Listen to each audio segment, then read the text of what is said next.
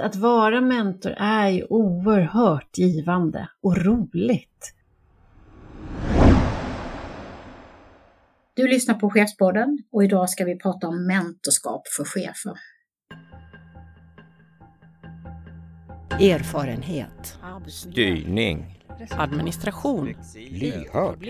Kompetens. Underskott. Tillgänglig. Kommunikation. Motgång. Förtroende. Ansvar. Coachande.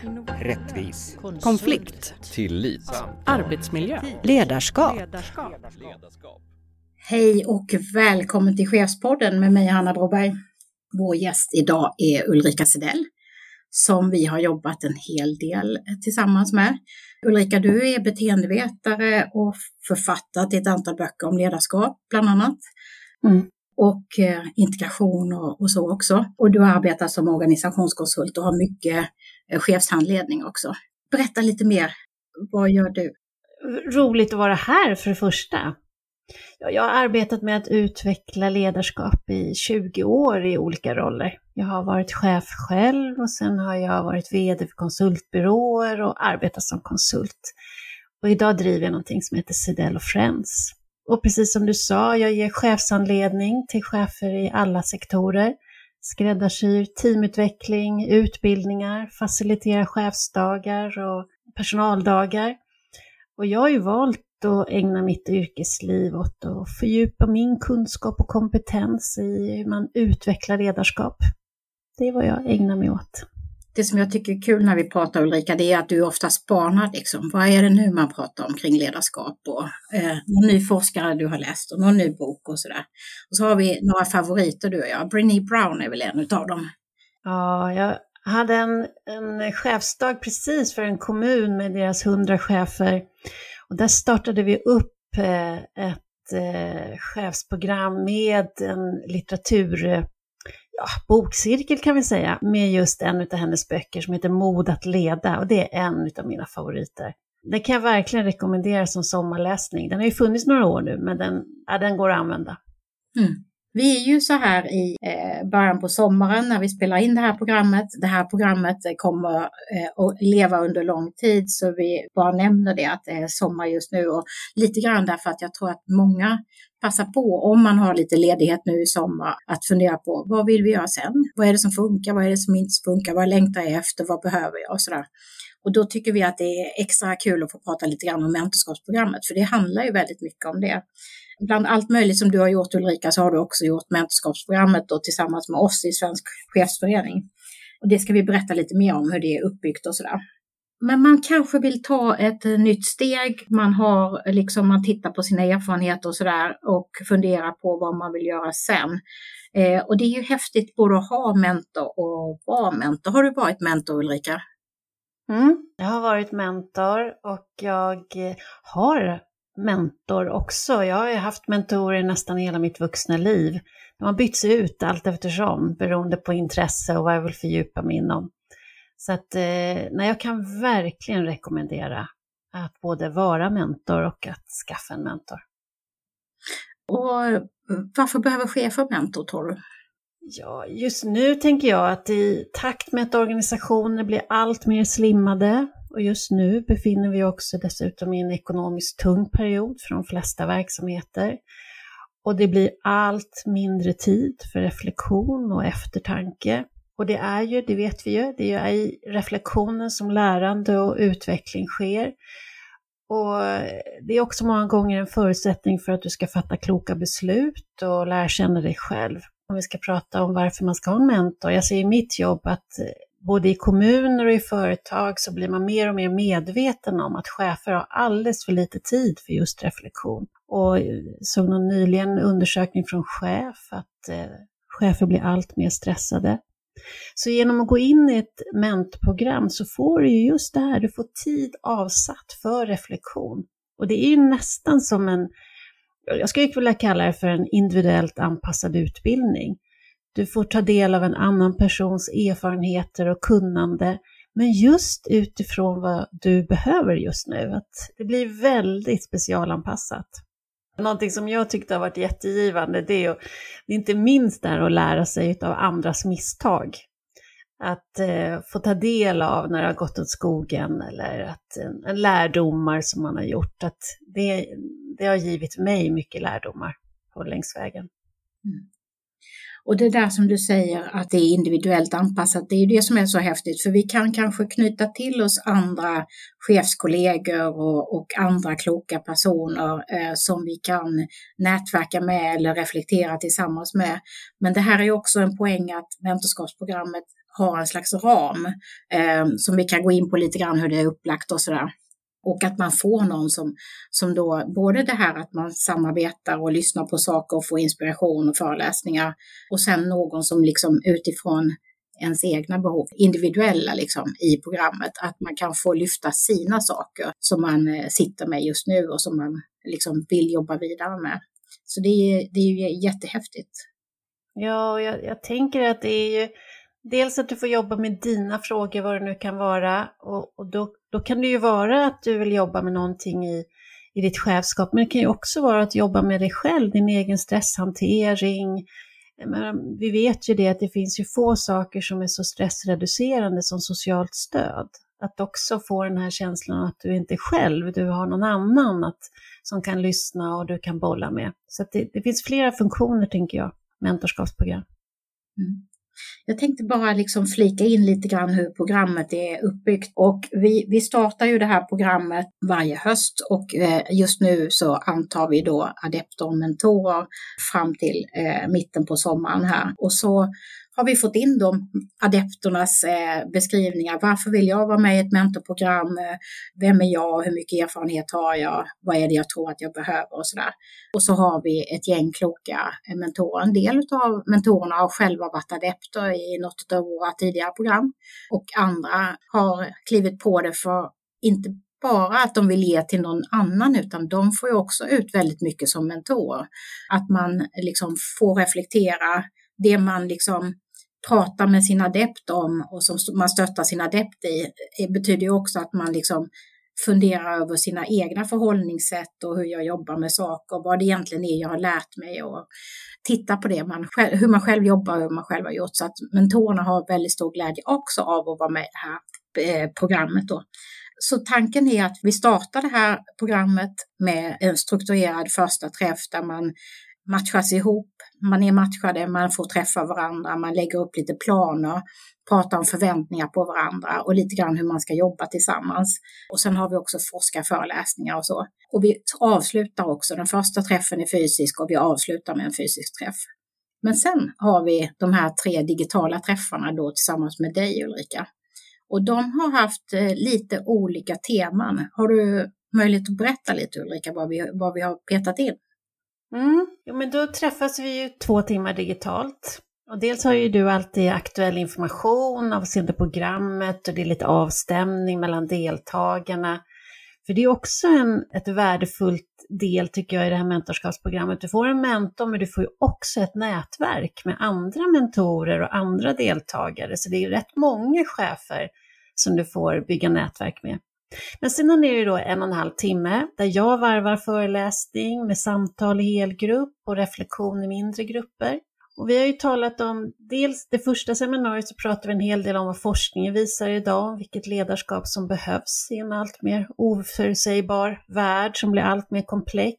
Och vad det är i delar då, eller hur man kan då jobba med att utveckla sitt ledarskap. Min ambition är att man ska få lite verktyg, lite tips, man får lite skattningar, man får lite tester som man får med sig också kan jobba hemma med i sin chefsgrupp eller med sina medarbetare. Så första gången pratar vi mycket om vad som då behövs utvecklas i ledarskapet utifrån forskning, men också de här normerna i vår syn på ledarskap och kulturen i organisationen som faktiskt kan motverka det.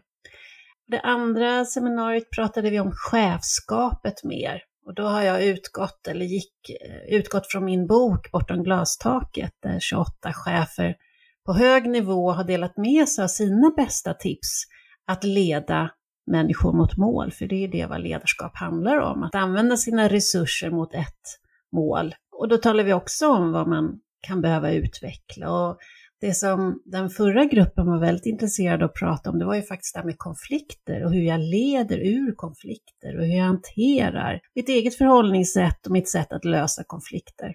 Det var en del. Och det tredje seminariet, då pratade vi om hållbarhet och det handlade mycket om att den här gruppen pratade mycket om sin känsla av otillräcklighet och sina medarbetare, att få med sig sina medarbetare, att inte bli sjuka och hur, hur jobbar jag effektivt och hållbart.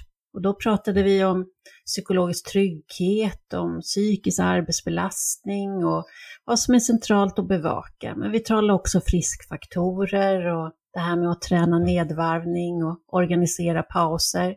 Men också hur viktigt chefsrollen är när det gäller att ge sina medarbetare och underställda chefer en överblick och inte bli aktivitetsstyrande. Så att, eh, det är väl några olika delar som vi pratade om och reflekterade kring. Mm. Jag tycker att det, vårt gemensamma liksom perspektiv i de här sakerna är ju Eh, Eh, det som också vi som förbund driver ganska mycket. Vi har pratat mycket mer om tillitsbaserad styrning och ledning och eh, vi har samarbetat med Julia Romanovska som har gett ut en intressant bok om sin eh, forskning kring kulturledarskap och, och att som chef kunna liksom vara helt och fullt i sitt ledarskap och ta ansvar och de etiska förhållningssätten och sådär. Man sitter mitt i de här manualer och styrning och uppföljning och så och ganska stor press, men att lite grann sänka axlarna tycker jag vi, vi liksom har som en, en lite utgångspunkt. Möjligheten att liksom också som chef just att reflektera, försöka sänka axlarna, se sitt sammanhang, känna stödet och så vidare. Så att liksom det är lite utav trådarna tycker jag i våra samtal, eller hur Ulrika? Verkligen, och vikten av omsorg. Vi, hade ju, vi pratade en hel del om självmedkänsla i ett utav seminarierna och eh, man fick också möjlighet att få en skattning, evidensbaserad skattning, när man fick skatta sin egen grad av självmedkänsla. Och det vet vi är en grund för att utveckla självledarskapet, är ju just att kunna sänka axlarna är ju självmedkänsla en viktig del av. Men också det här som vi pratar om nu, tid för reflektion. Tid för att både fundera och reflektera över vårt beslutsfattande eller vår syn på oss själv. Jag tycker vi ska ställa oss frågan faktiskt på allvar när det gäller det här med reflektion. Har vi råd att inte ta oss tid för reflektion? Det tror inte jag. Jag tror konsekvensen av utebliven reflektion det är risk för felaktiga beslut, minskad kreativitet och sämre förmåga till problemlösning. Så jag tror verkligen att eh, det här att ge sig tid för att reflektera tillsammans med någon annan och i grupp, det är, det är flera processer i det, det är flera värden i det. Både växa som chef men också att eh, fatta mer kloka beslut. Och mentorskapsprogrammet ger ju möjlighet till det. Eh, det är ju så att säga platsen för det, men sen måste man ju få in det i sin vardag och sådär också. Vi får göra en, en, en podd till om reflektion och hur man ska göra, göra det. Men, men eh, passa på nu under ledigheten, ni som lyssnar på, på podden eh, just nu här inför sommaren och, och sätt in det i kalendern, tid för reflektion, så att ni sätter av det. För det är ju som du är inne på Ulrika, jätteviktigt både för dig själv och för verksamheten. Man skulle kunna också boka chefshandledning utav dig eller någon annan. Men eh, det här med att ha mentor skiljer sig lite grann. Om, om liksom du tittar på rollen som mentor, du, du jobbar ju mycket med erfarna, flera liksom ledare och chefer som du har, har samarbetat med. Hur, hur, hur liksom tänker du att de ska se på rollen som mentor om man kliver in i den? Att vara mentor, det, det, är ju verkligen en möjlighet att få dela med sig av sina erfarenheter och kunnande. Och lite, du var inne på det Hanna, att det här med att få reflektera över varför man gör som man gör är ytterligare ett lärande som du ges möjlighet till som mentor. Men jag tänker också att vara en kollega, att vara en viktig person för en annan chef och få möjlighet till att bidra till utveckling. Men naturligtvis är det också viktigt, tänker jag, det här med att vara mentor, att man får ju egen påfyllnad, man får egen inspiration i det egna ledarskapet. Och att få ta del av en annan chefs utmaningar och eh, men också dens erfarenheter och kunskap. Så att, att vara mentor är ju oerhört givande och roligt. Och det är ju mycket adepten som, som eh, tar ansvar för att identifiera vad som är behovet under mentorskapsprogrammet. Jo, precis. Och som erfaren mentor då, just det här att man går inte in i någon coachande roll eller att man ska liksom inte heller eh, servera allting, utan det måste vara så att adepten får jobba lite grann för det och gräva lite grann i vad man själv har för behov och önskemål och vad man sitter i och kunna beskriva det och sådär. Eh, vi brukar ju prata också om att man måste liksom själv ta ansvar för att driva det, liksom att man sätter ut tider, att man har funderat lite grann på vad det är för frågor man vill, att man förbereder inför sitt möte med, med mentorn och så vidare. Så att man verkligen tar vara på de här tillfällena. Kanske ungefär som man gör inför en chefshandledning, men man har en annan som du är inne på, lite mer en slags ömsesidig eh, roll och ömsesidigt lärande och chefer emellan liksom. Men med lite, man kan komma från olika verksamhetsområden, man kan komma från olika chefsnivå, man har lite lång, olika lång erfarenhet av att vara chef och så vidare de som har varit mentorer, det man hör, tycker jag, eh, och även hörde i ert program, det är ju just att det är så givande att få vara den här som kan reflektera över allt man har åstadkommit och gjort, men också sina misstag och lärdomar och få ta del av en annan person som är på väg i sin karriär, att, att det har varit oerhört givande. Mm. Jag tänker ibland att det är sådana här eh, chefstexter och så som man, man läser för man liksom tänker, funkar jag som chef och varför, varför blir det inte som jag tänkt eller eh, det här blev ju jättebra, eh, vad var det som hände och sådär. Eh, så kanske man läser sådana här, ibland är det ju sådana här fem tips om hur du liksom klarar semestern eller sätter lön eller sådär. Ibland låter det otroligt enkelt liksom. Men just att få liksom jobba lite mer med det eh, och jag tror att när man funderar som, som adept eh, över liksom, hur ska jag jobba, hur ska jag liksom hålla som chef, hur ska jag vara som ledare, vad, vad är ett gott ledarskap och så vidare. Det är liksom rätt stora frågor. Eh, fundera liksom tillsammans med mentorn då på hur ser min roll ut? Hur ser dialogen med mina överordnade chefer ut? Hur är mitt uppdrag liksom rimligt? Eh, har jag rätt förutsättningar liksom att få bryta och fundera kring det där tillsammans med någon som har liksom kanske vandrat en del av de där stigarna förut också. Det är ju det som är, så det kan verkligen vara stort och smått. Eh, och som du var inne på, vi kom in på en del konflikthantering som ju faktiskt många chefer hamnar i när man, man har stressade arbetsgrupper och så, att man liksom ska få dem att samarbeta kring rätt komplexa uppdrag och sådär. Eh, så det kan ju vara en tråd i det. Jag brukar, när det gäller konflikter, jag brukar säga det, det är väl jättebra att det finns konflikter, för finns det aldrig några konflikter, då är ju det ett tecken på att det är mer sekt. Exakt. Det är bara positivt. Sen är det ju hur du som chef har verktyg för att hantera det. Det är där utmaningen ligger. Det kan vara en annan tråd. Om man har en tystnadskultur så kan det vara någonting man också ska kunna prata med någon.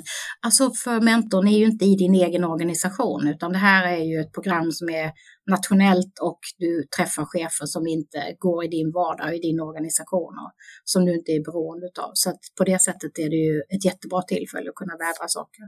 Verkligen, och precis som du säger att det är man ska ju verkligen kunna känna sig fri att, att röra sig fritt kring, det kan ju vara allt ifrån personalfrågor, det kan vara allt ifrån hur jag lägger strategier eller sätter mål, men det kan ju också vara om mig själv som, som kanske är svårt att prata med chefskollegor på sin arbetsplats. Ja, men det kan ju vara allt ifrån så här som de flesta av oss brottas med, känsla av otillräcklighet, känsla av att rädsla för att misslyckas, Eh, man känner sig fri, att man, här kan man röra sig fritt kring högt och lågt när det gäller chefsfrågor. Och kunna få öppna på de där små boxarna tillsammans med någon i en trygg situation. Liksom. Det är ju jätteviktigt. Om man vill ha en mentor, hur ska man tänka? Liksom? Nu har vi varit inne på en massa saker man kan prata om, men eh, ska man ha någon som är äldre, mer erfarenhet eller yngre? En del program så har man ju äldre adepter som får lära sig en massa av yngre därför att de har andra liksom perspektiv eller spaningar eller sådär. Så att, hur, hur, tycker du att man ska tänka som adept när man vill ha en mentor? under ett antal år så skräddarsydde jag ju många mentorskapsprogram och hade ju individuella samtal då med alla som eh, ville ha en mentor för att sätta någon slags utav ram för att matcha på bästa sätt. Och jag skulle verkligen vilja skicka med att det är så individuellt beroende på vart du befinner dig, vilken kontext, vilka frågor som just nu är på din agenda som du tycker är utmanande, så kan det spela roll för just eh, den här personen, vilket kön, vilken eh, ålder, vilken kontext. Men det kan också vara helt oväsentligt, utan det handlar bara om eh, kompetens och erfarenhet. Jag tycker inte det går att råda på det sättet, utan det är verkligen utifrån vad man själv upplever som det är en relation där man ska känna sig trygg, det är en relation där man ska känna att man får utbyte. Men däremot vill jag skicka med att ju tydligare man är i sina förväntningar, ju tydligare man kan konkretisera vad det är man behöver, desto lättare är det ju för dig då att matcha så att det blir rätt ja, det är ett jättepussel att sitta där med 20-25 ansökningar utav vardera sorten så att säga och se att man får par. Och det är lika fantastiskt varje gång vi sätter igång och se att man vet att de här två personerna är, är matchade och så börjar de fråga efter varandra när vi ses där fysiskt. Vem är, vem är hon eller vad är han eller sådär. Och så bara ser man hur de möts liksom och börjar mm connecta. Det är, och väldigt många program blir ju superbra. Så det är, alltså, själva samarbetena. Så att man ska ju vara så där öppen också och vilja liksom gå in i det här. Eh, vilja prata, vilja dela, vilja lära nytt och, och så där. Så den inställningen tror jag det är viktigt att man, man har också. Mm. Har du sett något, något särskilt framgångsrecept när det gäller matchning? Nej, Eh, ibland undrar man om man bara skulle liksom hälla ner dem i en stor påse och skaka om. För oftast blir det väldigt bra även utan liksom medveten matchning. Men, men att försöka ändå Eh, ibland kan man ju gå på geografi om det är viktigt att de ska kunna träffas fysiskt. Eh, ibland kan man gå på liksom liknande eh, utbildningsbakgrund eller för den delen välja att man är olika. Man kan fundera på, vi har ju medlemmar som är i alla samhällssektorer. Är det bra att se en annan samhällssektor än den man själv jobbar i? Men ju bättre adepten ändå har definierat att jag vill spana utanför eller jag behöver eh, som kanske manlig adept se hur, jobb, hur ser det kvinnliga ledarskapet ut. Jag kanske vill ha en kvinnlig chef som har brottats med en del av de här strukturer så som vi pratar en del om också Ulrika, försöka förstå och lära. Så att man medvetet försöker själv då som adept säga lite grann vad det är man är ute efter.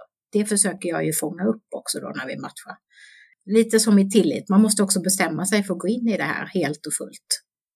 Mm, ja, vilket, det är ett väldigt fint erbjudande. Mm.